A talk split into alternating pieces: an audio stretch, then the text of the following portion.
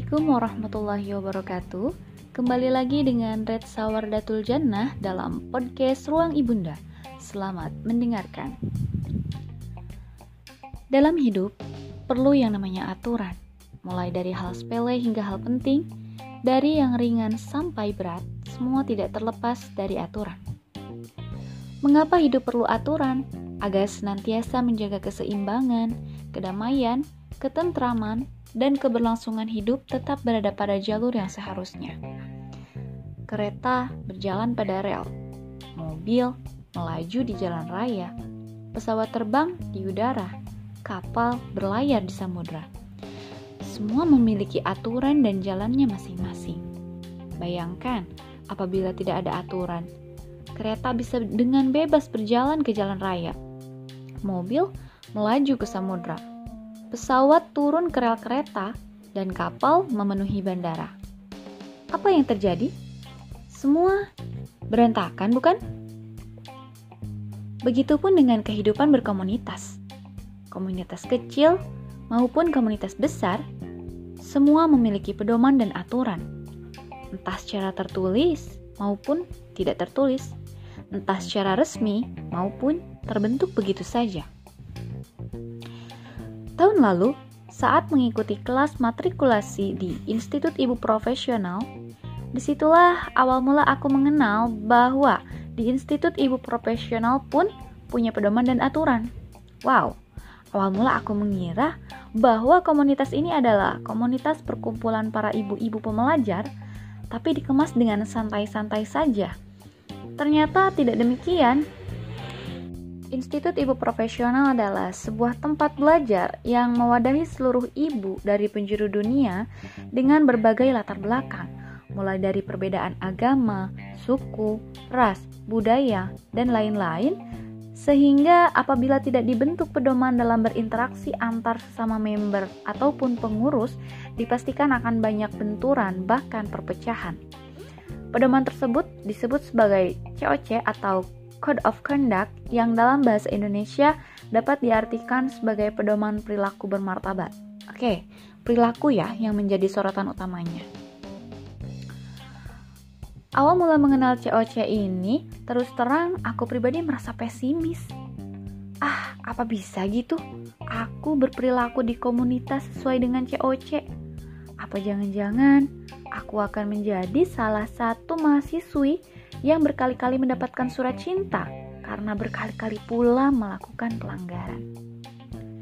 Pertanyaan itu sering muncul dalam pikiran, sebab aku menyadari bahwa diriku ini sangat tidak suka diatur-atur. Tapi lambat laun, ternyata berperilaku sesuai COC itu sangat nyaman, berasa ringan tanpa beban, sebab kita selalu berada di jalan kebaikan. Hal ini terbantu karena member lain dan pengurus selalu menularkan sifat-sifat positif mereka sehingga aku termotivasi untuk selalu menjaga adab dalam berkomunitas. Institut Ibu Profesional ini adalah komunitas para ibu. Oleh karenanya, secara tidak langsung, ketika mengikuti pembelajaran di sana, aku pun melakukan pembelajaran di kehidupan nyata. Tentunya sebagai seorang ibu, istri, dan pribadi. Jadi, selain saat berkomunitas, COC yang ada di Institut Ibu Profesional itu terbawa pula pada kehidupan sehari-hari.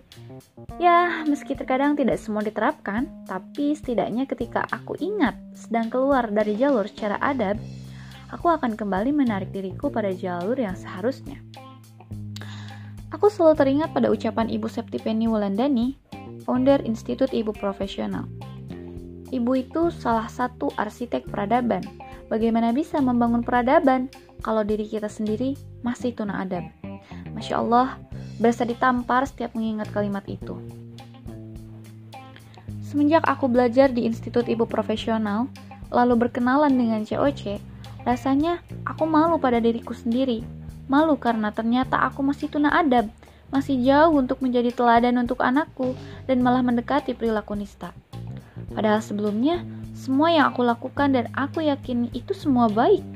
Bagaimana aku menimba ilmu parenting, lalu menerapkannya, bagaimana aku membagikan ilmu yang aku tahu di sosial media, bagaimana aku menyikapi berbagai hal yang aku kira semua itu baik, tapi ternyata justru belum tepat. Setelah mengenal COC, lalu melewati berbagai perjalanan di Institut Ibu Profesional, akhirnya aku pun sedikit-sedikit mulai lebih bijak dan dewasa dalam menyikapi ilmu. Di Institut Ibu Profesional memiliki prinsip dalam menerima ilmu yang pertama adalah baik, yang kedua benar, dan yang ketiga bermanfaat. Pada awalnya, saat mengetahui suatu ilmu dan meyakini bahwa ilmu itu baik dan benar karena ada jurnal ilmiah yang dibuktikan dengan penelitian misalnya, aku langsung menerapkannya dalam kehidupan sehari-hari tanpa memikirkan poin ketiga, prinsip dalam menerima ilmu yaitu bermanfaat. Sebab kupikir, semua yang baik dan benar pastilah bermanfaat. Tapi ternyata tidak demikian. Setiap keluarga memiliki karakter yang berbeda. Setiap keluarga memiliki latar belakang yang berbeda. Setiap keluarga memiliki kebutuhan yang berbeda. Setiap keluarga berbeda. Boleh jadi hal yang baik dan benar itu bila diterapkan akan bermanfaat untuk keluarga lain, tapi boleh jadi justru madorot untuk keluargaku. Ya, dulu pemikiranku belum sampai sana. Aku tidak berusaha mengenal diriku, anakku, dan suamiku.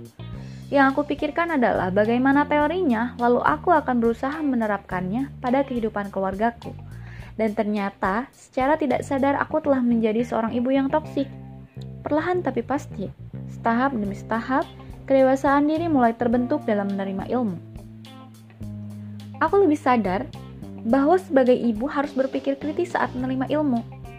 Ada empat hal cara berpikir kritis yang aku pelajari di Institut Ibu Profesional.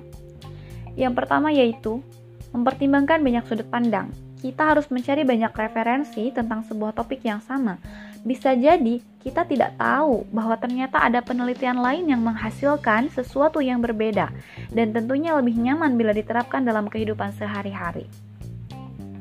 Yang kedua, melihat fakta kecocokan dengan kehidupan sendiri. Setelah kita mencari banyak referensi, kemudian menemukan sesuatu untuk diaplikasikan pada kehidupan sehari-hari, maka siagianya dipikirkan lagi apakah hal tersebut cocok bila diterapkan dalam kehidupan kita apakah sesuai dengan karakter anak, suami, dan diri kita sendiri. Jangan sampai justru malah mencederai fitrah dan karakter yang semula dimiliki.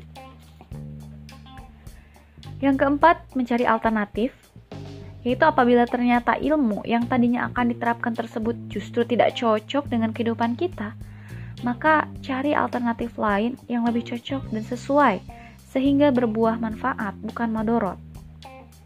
Dan yang kelima adalah menghasilkan sebuah keputusan baru. Setelah mencari alternatif, maka tentunya kita memiliki sebuah keputusan baru, keputusan yang berbeda dengan keluarga lain karena keluarga kita adalah diri kita sendiri, bukan duplikat dari keluarga lain. Anakku bukan anaknya, suamiku bukan suaminya, diriku bukan dirinya. Kami adalah diri kami sendiri. Tidak ada kebenaran yang mutlak tentang semua teori yang dibuat oleh manusia. Yang ada ialah kebenaran ideal. Ideal di sini tentu berbeda-beda setiap orang. Ideal untuk kehidupan mereka, versi terbaik yang mereka miliki. Kini, aku mulai mengubah makna dari sifat idealis dan perfeksionis yang cukup mendarah daging dalam diriku.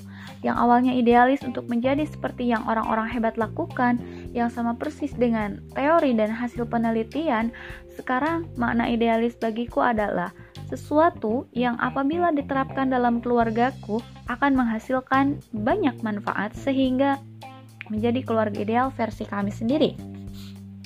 Dan mana perfeksionis yang semula sempurna menurut pandangan orang lain, kini perfeksionis bagiku adalah memiliki keluarga bahagia dan menjalani peran masing-masing dengan versi terbaik kami. Aku tidak ingin lagi menjadi ibu dan istri yang toksik dan tuna adab. Aku ingin sungguh-sungguh menjalankan peran sebagai seorang ibu, istri, dan pribadi dengan terus menuntut ilmu dengan cara yang beradab.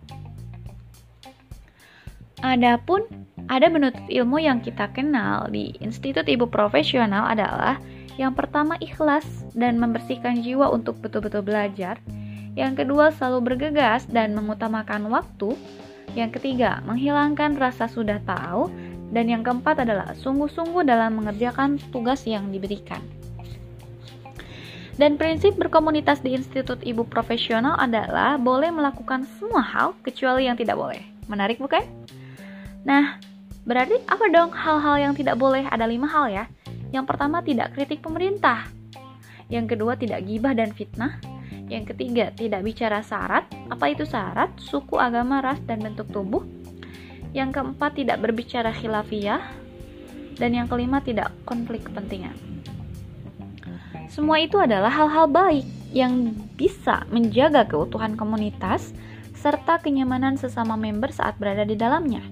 Tentunya, adab dan prinsip tersebut akan sangat baik bila diterapkan dalam kehidupan sehari-hari. Sebab bila dianalogikan, hidup kita ini bagaikan pusaran ombak yang menentukan kita bisa survive menaklukkan ombak atau tenggelam dalam pusaran ombak tersebut adalah diri kita sendiri. Apakah bisa melakukan surfing dan mampu berenang? Atau tidak memiliki keahlian apa pun lalu tenggelam? Maka dari itu, Aku sangat takjub saat mengetahui pembelajaran materi ini diberi nama wahana surfing, sebab sesuai sekali dengan peran COC dalam keberlangsungan hidup berkomunitas. Sekian podcast kali ini. Terima kasih. Wassalamualaikum warahmatullahi wabarakatuh.